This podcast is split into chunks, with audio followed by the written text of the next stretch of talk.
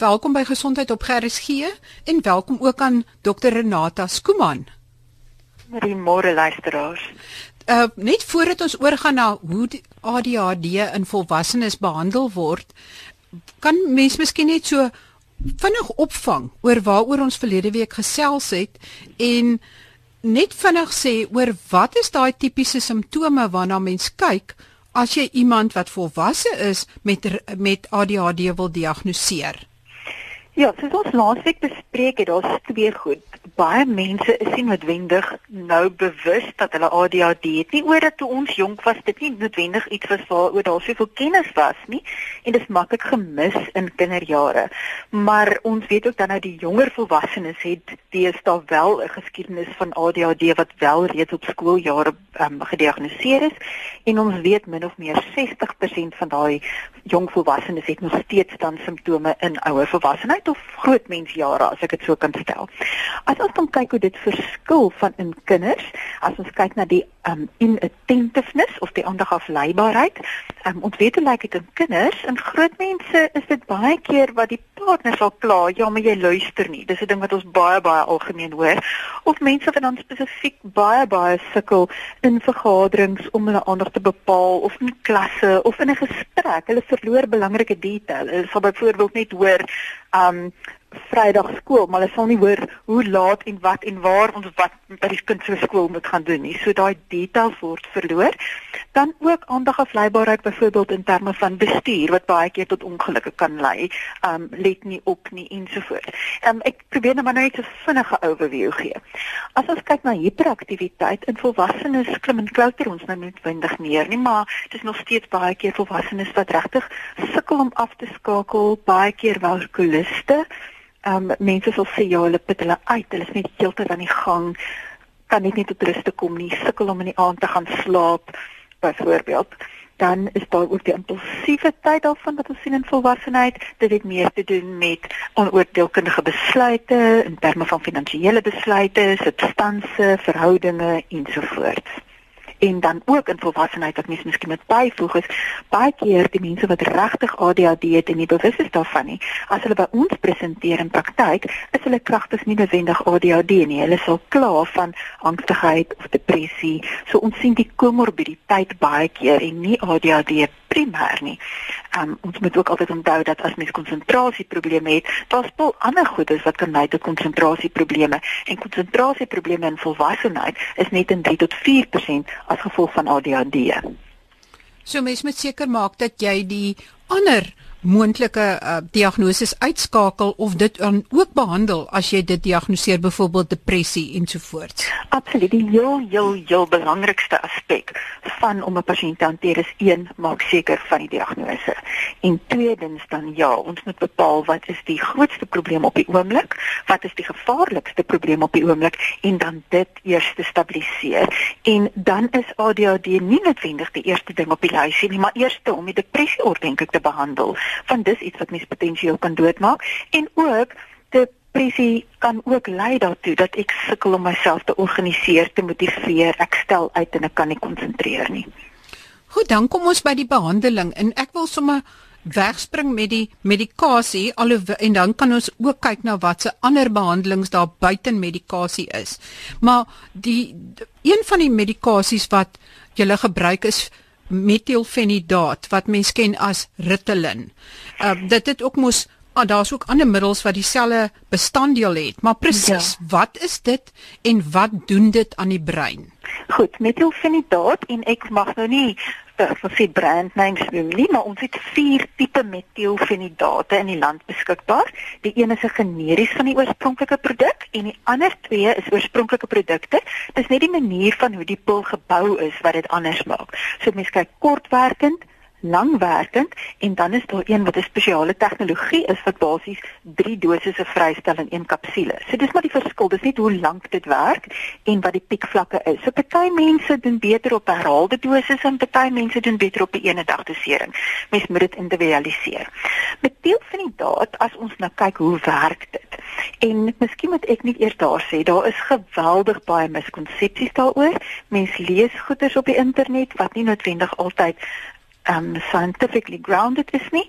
Dit is nie 'n nuwe pil nie. Die eerste studies wat of die eerste keer wat ons pille gebruik het vir die behandeling van ADHD is reeds in 1937 en dan van ons belangrikste studies spesifiek dan in terme van metielfenidaat dit dateer terug na die 1990s. Byvoorbeeld een van ons wat ons noem 'n landmark study is in 1999 al gepubliseer oor die metielfenidaat. So dis nie 'n nuwe ding wat nou skielik is daar 'n brand campaign hoekom mense nou meer pille drink of so. Nee, dit gaan meer oor ons is meer bewus ons kan mense help.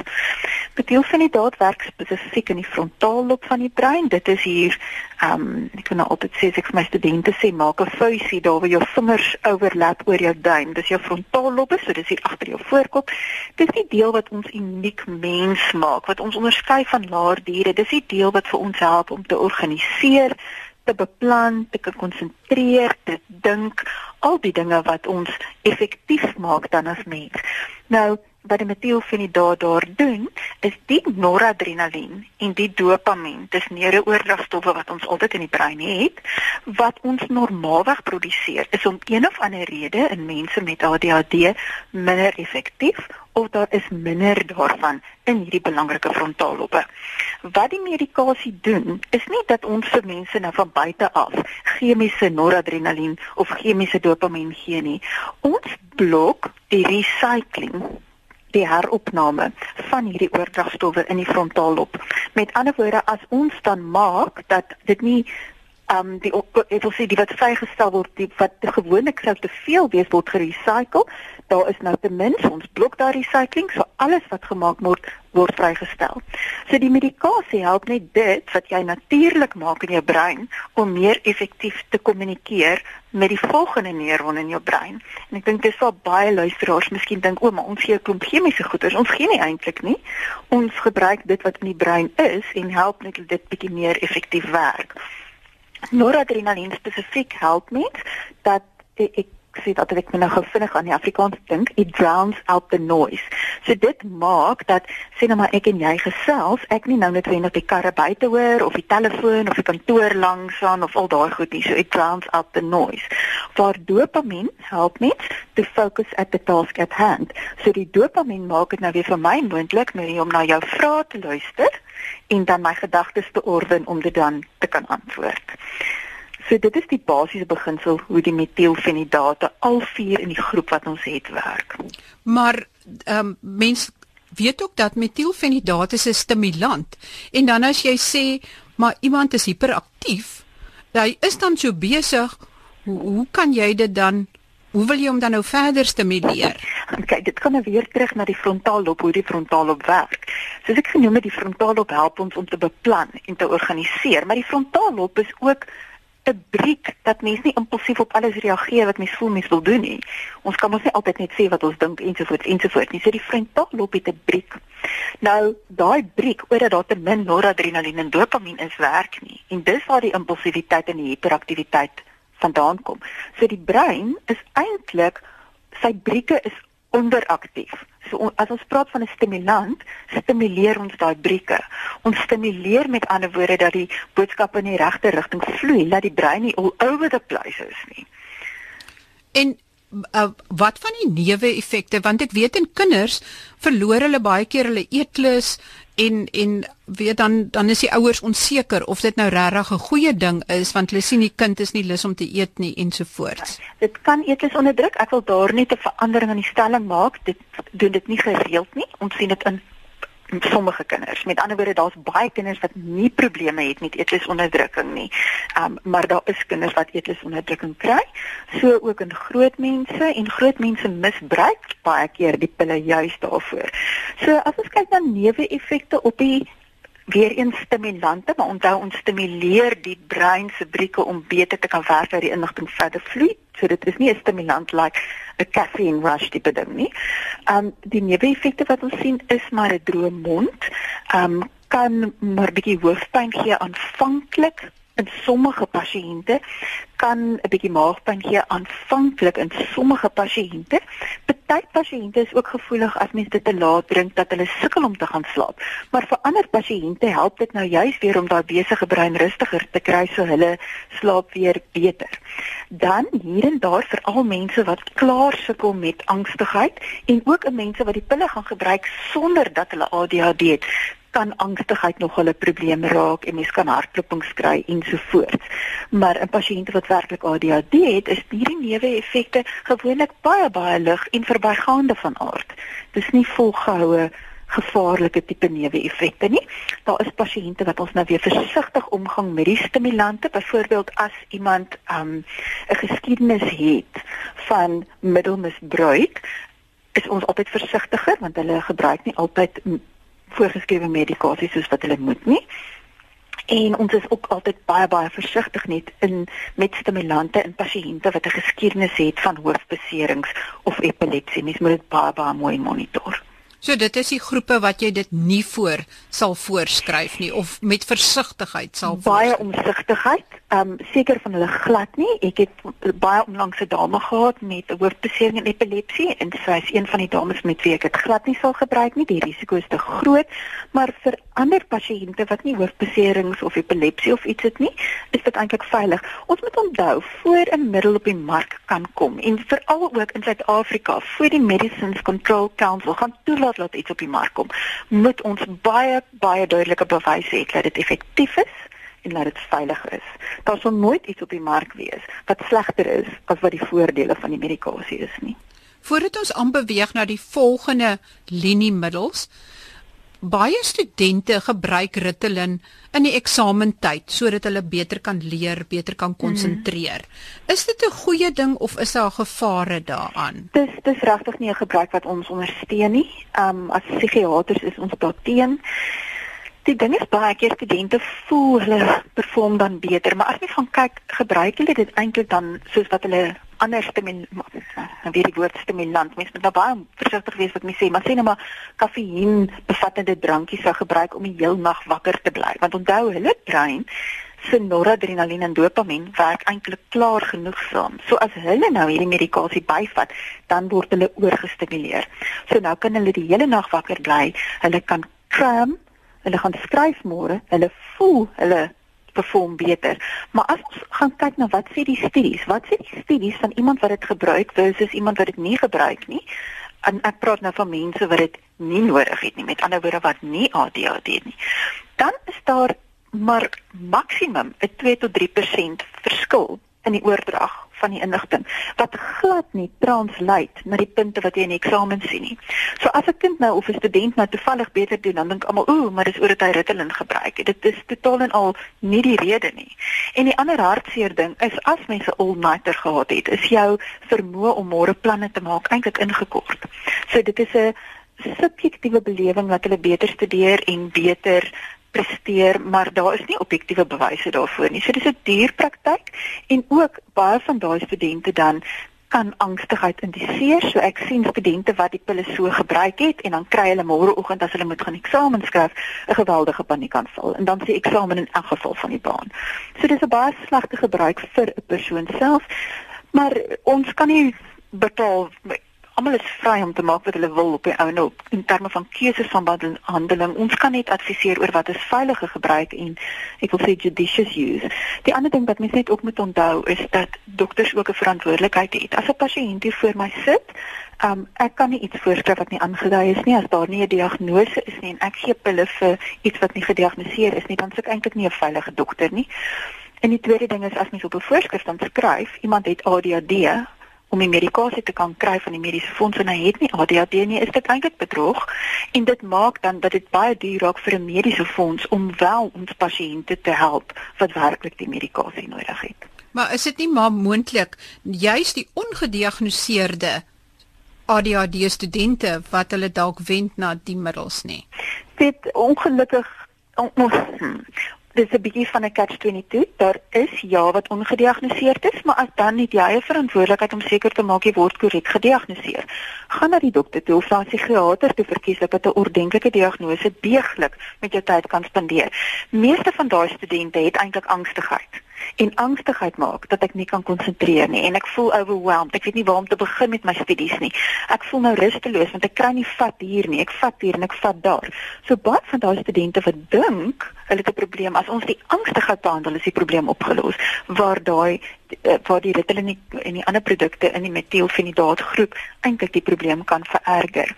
Maar ja, dit is as jy noem van daai studente mag dalk wel ongediagnoseerde ADHD weer nie in perspektief 60% min of meer van pasiënte wat sukkel om te konsentreer in volwassenheid is of moegheid of wel kom ons maak dit 70% is moegheid, angs of depressie en slegs 3% is ADHD. So mens kan nou self dink as jy hele koshuisgang die pille gebruik, dan is dit nie ADHD nie. So mens moet die hele tyd daai perspektief behou. Hmm, absoluut. As as mens nou nie metilfenidaat, die, die Ritalin en en soortgelyke produkte kan voorskryf nie of dit werk nie vir die een nie dat die een uh. Baie neeweffekte het. Waar is daar ander stimulant wat jy dan kan gebruik of na watter middel toe gaan jy dan? Ons gebruik verwante medikasie maar nie stimulante nie. Dit sou wees in pasiënte wat of regtig nie regkom met die stimulante nie of die metiel, kom ons noem dit liewer metielfenidaat, dit is meer akkurate beskrywing.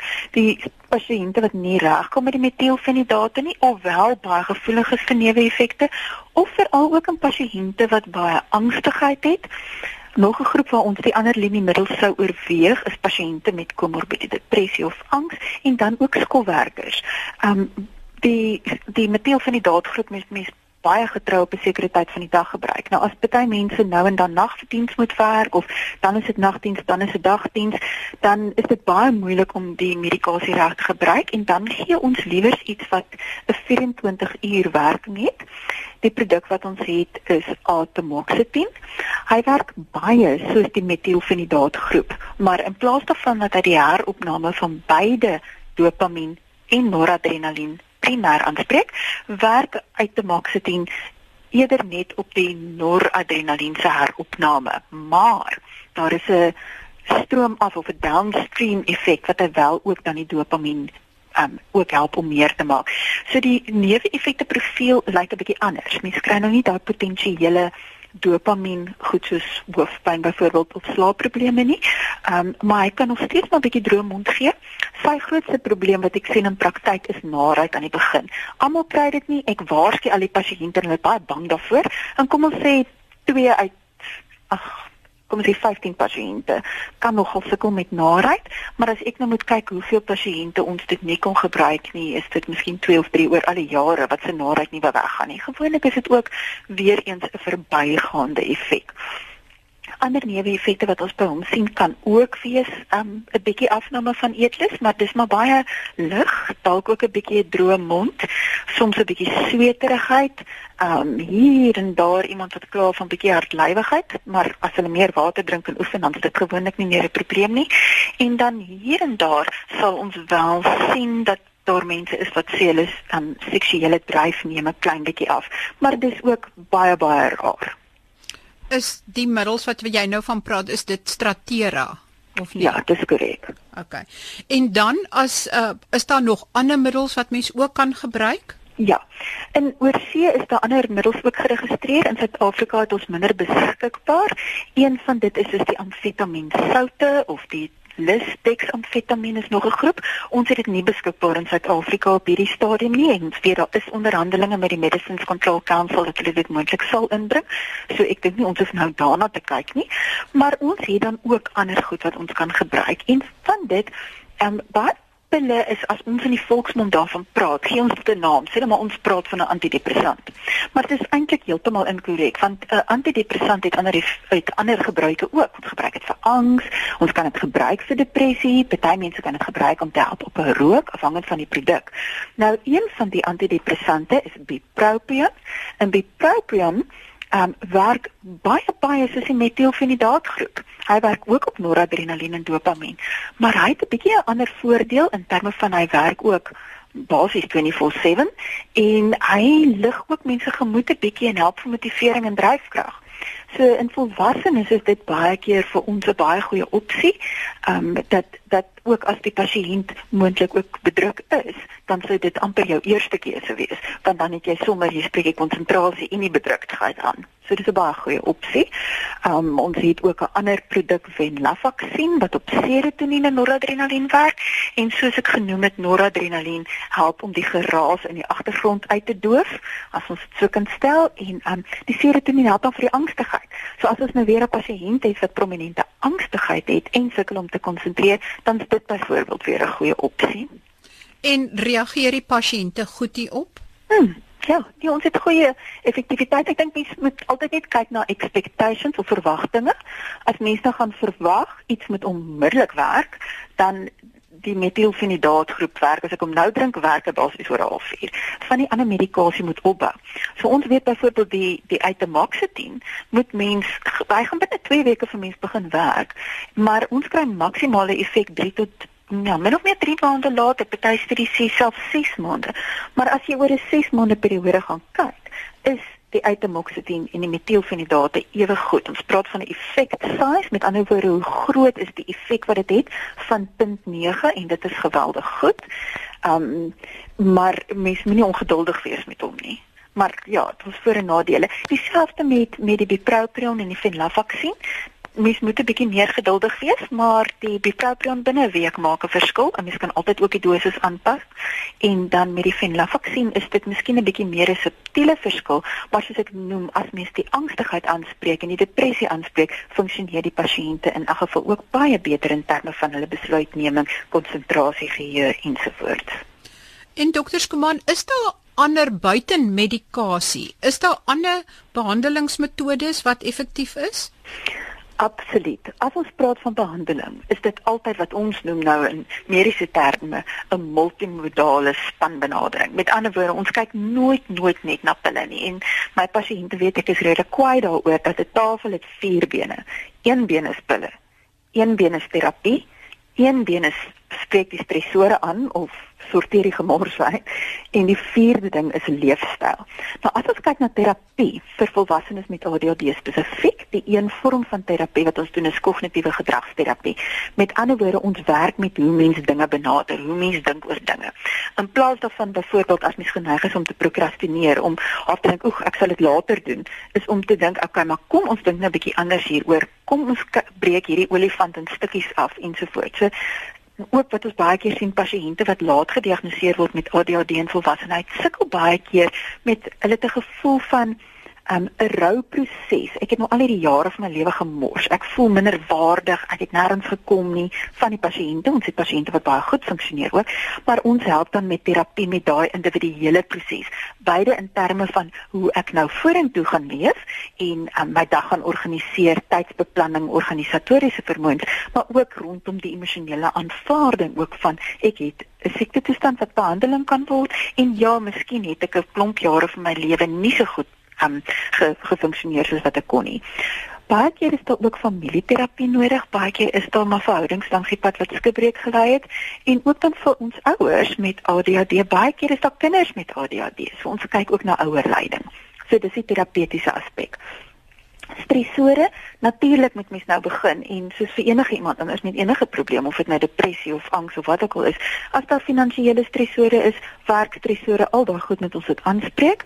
Dis ook belangrik dat dit in die ideale wêreld het ons 'n arbeidsterapeut aan boord wat dan vir ons help om met die werkmense ook te werk en te verduidelik van ADHD en dat dit mens help dat daar reasonable accommodations. Met ander woorde, aanpassings by die werk gemaak kan word wat redelik en toepaslik is. Byvoorbeeld, probeer om nie in 'n oop plan kantoor te werk nie. Probeer wat ons noem noise reduction headsets, dat daar nie onnodige stimulasie is nie. As jy baie sukkel met afleibaarheid, vra dat jy bietjie meer na die kant van die kantoor toe sit, nie reg langs die die waterkan of die koffieketel of iets waar almal die hele tyd 'n geselsie aanknoop nie. So daar's werksakkommodasies wat mens ook kan maak, ook iets soos 'n buddy stelsel. Met ander woorde, as een van my vriende by die werk baie georganiseerd is, kan hy my help om nie deadlines en goed te mis nie.